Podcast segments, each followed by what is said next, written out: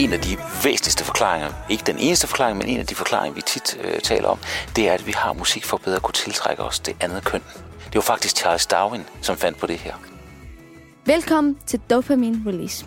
En podcast om, hvad der faktisk sker i din krop og hjerne, når du mærker musikken live.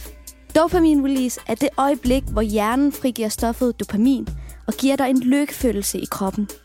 Mit navn er Ihan Heider, og jeg er trommeslager i bandet Liga, og så er jeg din guide på denne podcasts rejse ud i musikken og ind i hjernen. Min guide ind i hjernen er hjerneforsker og musiker Peter Wust. Velkommen til. I det her afsnit kan du høre et bud på, hvorfor vi overhovedet har musik. Måske er det faktisk for at tiltrække det andet køn. Og det er så her, at Hugo Helmi kommer ind i billedet. Vi skal nemlig snakke om, hvordan hans track Please Don't Lie påvirker vores hjerne. Men Peter, kan du fortælle os, hvor det største dopamin-release ligger i det her nummer? Jeg synes allerede, det er fra første takt, hvor jeg hører hans stemme. Og øh, øh, den der stemme, den er rigtig fed, og det svinger. Og øh, der er så mange små, lækre detaljer rundt omkring i den der vokal.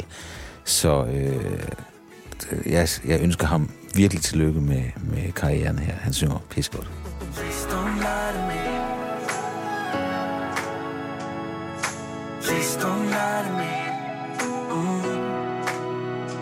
When you're posing for a perfect picture, why do you hide behind a pretty smile? Please don't lie, please don't lie to me. I want you out Det var den unge Hugo Helmi. Ja. Med Please Don't Lie. Ja. Det er jo et meget klassisk popnummer. Det er det. Hvad er det, der er så fedt ved det her nummer? Ja, altså, det er jo et nummer, som, hvor mor lavede det, var jeg lige ved at sige. Et mm. popnummer. Ja. Jeg synes, det er jo et rigtig fedt nummer, og det er det først og fremmest, fordi det er sådan en fed sanger. Det får han måske lidt for lidt kredit for, men han synger rigtig, rigtig godt. Ja.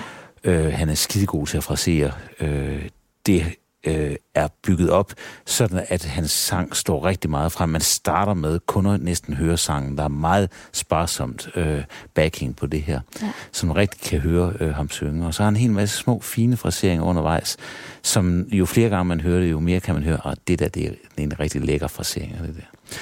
Men øh, det, der er det vigtigste ved det her nummer for mig, når jeg lige hører det, det er, at hvert enkelt instrument svinger. Ja. Så for at få det her til at svinge, det der får det her til at svinge, det er, at hver enkelt lille rolle, guitarrolle, sangrolle, mm. sangen svinger skide godt i sig selv. Alle instrumenter, han er jo godt opdraget, må man sige. ja, det må man sige. og, og, og, og det, det, alle, alle elementerne her øh, øh, svinger i sig selv.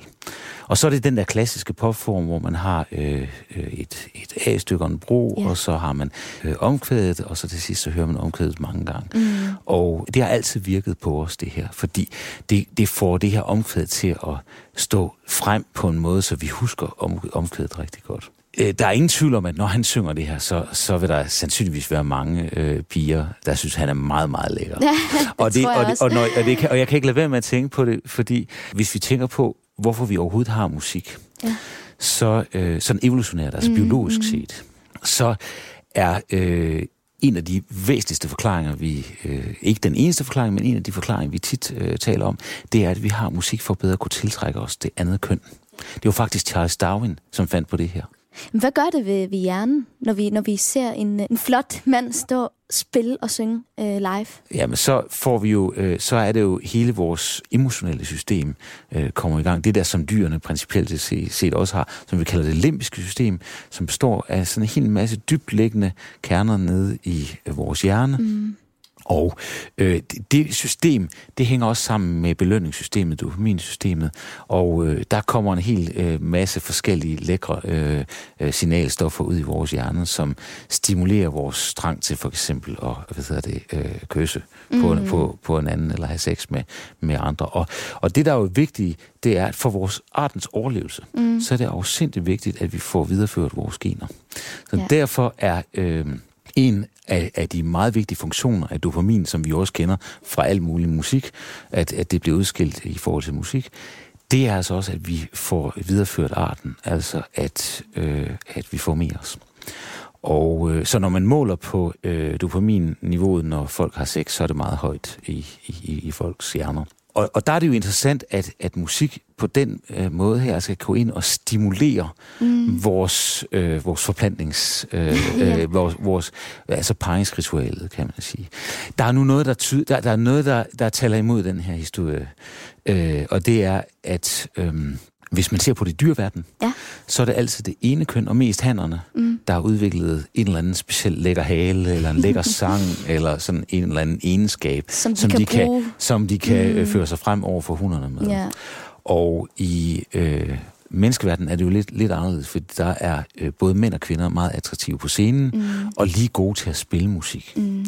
Så vi tror ikke nødvendigvis, at det er den eneste forklaring på, hvorfor vi har musik, men det er nok et godt bud på en del Får man af ikke øh, en anden oplevelse, eller får man ikke en, en, en lidt ekstra oplevelse, når, når, når bandet ser godt ud? Eller, altså, nu er jeg selv en kvindelig trommeslager, ja. og jeg ved, det virker, når jeg kommer ud. Selvom jeg laver Klart. nogle fejl, så bliver det overset, fordi folk står alligevel og, og er helt forblændet, og, ja, men... og man står og tænker, okay, hvad er det, der sker i, jeres, i deres krop, i deres hjerne? Ja, men det, det er der, der er jo ingen tvivl om, at det her, det handler meget om dopamin, ja. som kommer ud, og den der, øh, den der lykkefølelse, mm. øh, der kommer. Men, men det er jo også vigtigt, at det virker også den anden vej. Altså når man nu er 14 år, og har bumser og fedtet hår, og ens mor købte den der rigtig, rigtig grimme velurtrøje til en, ikke? så tænker ja. man, hvad fanden skal jeg gøre? Ikke? Og så, så er der nogle af os, der køber en, en elbass som melder sig ind i et rockorkester, og det virker. Det virker. Det virker. Absolut. Men øh, øh, så, så, så der er ingen tvivl om, at der er noget om det her. Øh, det er jo også, som man siger, festivalerne er jo også øh, nok mest unge, der går på festivaler, og så dem, der som mig godt kunne tænke sig at være unge. Hvordan tror du, at uh, Hugo Helmi han klarer sig på live-fronten? Tror du ikke, han klarer sig rigtig godt? Det tror jeg, han det gør. Tror jeg, jeg, jeg tror, der står rigtig mange piger nede foran, for, for, foran ham. Det skal man altså ikke gå glip af, når han, øh, når han er ude på festivaler. Og min anbefaling er som altid, kom nu ud og hør noget live musik. Denne podcast er en del af kampagnen Music Against Drugs. Det er en opfordring til at lade musikken være din rus. Bag kampagnen står Sundhedsstyrelsen, Dansk Live og Roskilde Festival. Hvis du vil vide mere om, hvordan live musik påvirker dig, så gå ind på againstdrugs.dk.